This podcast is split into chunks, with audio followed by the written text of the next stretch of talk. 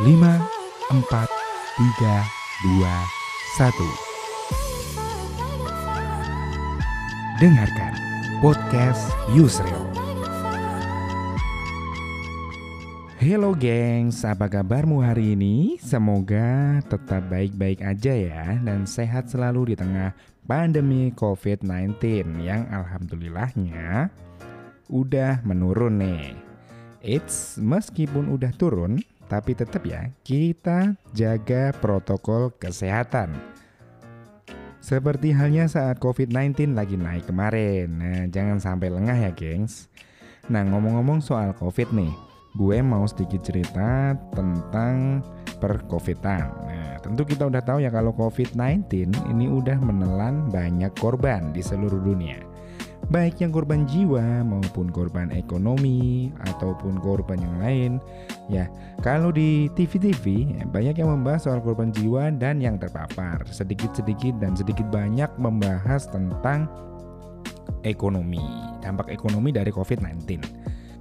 Nah, tapi kalau gue di sini lebih seneng membahas soal bisnis ya, soal ekonomi, bisnis dan percuanan kayak gitu ya. Karena menurut gue salah satu yang paling terdampak ya soal bisnis ya, soal ekonomi ya, soal cuan, soal dompet kita isi apa enggak gitu ya. Oke, next. Kemarin sempat viral tuh kan soal iko-ikoyan, soal uh, siapa sih artis-artis yang bagi-bagi duit, bagi-bagi ke sesama yang membutuhkan gitu ya. Uh, dan masih banyak lagi tentunya. Nah, tahu nggak gengs? Selain dari selebgram, artis, sampai pengusaha besar yang membantu sesama di tengah keburan pandemi, ini ada satu elemen masyarakat yang iko-ikonya ada jumbangnya ada tapi nggak sadar. Nah, kalau dia lagi bagi-bagi rezeki. Ada yang tahu nggak siapa? Nah, apakah Pak dosen? Pak petani? Bukan ya. Pegawai Kemenq? Nggak tahu ya. Ada Pak RT, Bu Lurah, atau Pak Gubernur? Penasaran nggak? Oke, dengarkan baik-baik. Menurut data yang berhasil gue himpun dari media sosial maupun internet, nah, bahwa Khususnya aku ambil dari pajakonline.com ya yang berjudul Pemulihan Ekonomi Butuh Dana 2.750 triliun.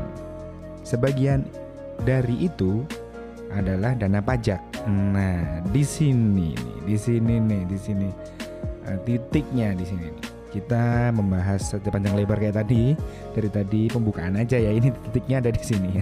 nah, di situ dimuat kalau sebagian besar dana program pemulihan ekonomi nasional adalah dari wajib pajak. Nah, dari kalian-kalian nih yang sudah bayar pajak dengan tepat waktu, dengan baik, dengan tertib, dengan disiplin. ada yang tahu nih siapa wajib pajak tuh? Nah, Wajib pajak yang disiplin tentunya ya. Kalian-kalian yang hobinya rebahan sambil bisnis toko online. Atau pegawai-pegawai yang lagi WFH Atau pak petani yang habis panen. Tentunya mereka itu tadi pembayar pajak yang taat ya gengs. Yang tidak taat, yang belum taat ya. Ayo kita ikut iko-ikoyan bareng negara. Kita ikut nyumbang bareng negara gitu ya gengs dari dana pajak tadi ya ada beberapa dana yang memang digunakan untuk pembangunan infrastruktur. Nah, tapi nggak nggak sedikit pula yang digunakan untuk program pemulihan ekonomi nasional. Nah, ini dia titiknya di sini, gengs. Jadi kalian yang merasa hidupnya nggak ngapa-ngapain, nggak jelas ngapain, nganggur gitu ya. uh, mungkin aku nggak bermanfaat buat siapa teman-temanku aku nggak bermanfaat buat masyarakat. Oh it's it's it's it's kalau kalian bayar pajak taat membayar pajak dan jujur membayar pajaknya. Nah itu wujud kalian iko-ikoyan tuh. Wujud kalian membantu sesama. Jadi ingat ya gengs siapa bantu siapa? Iya tentu. Kita wajib pajak membantu mereka melalui pajak yang kita bayarkan. Baik gengs, itu tadi podcast tentang siapa bantu siapa. Jadi semoga bermanfaat untuk kita semua. Sekian dari saya. Selamat sore semuanya.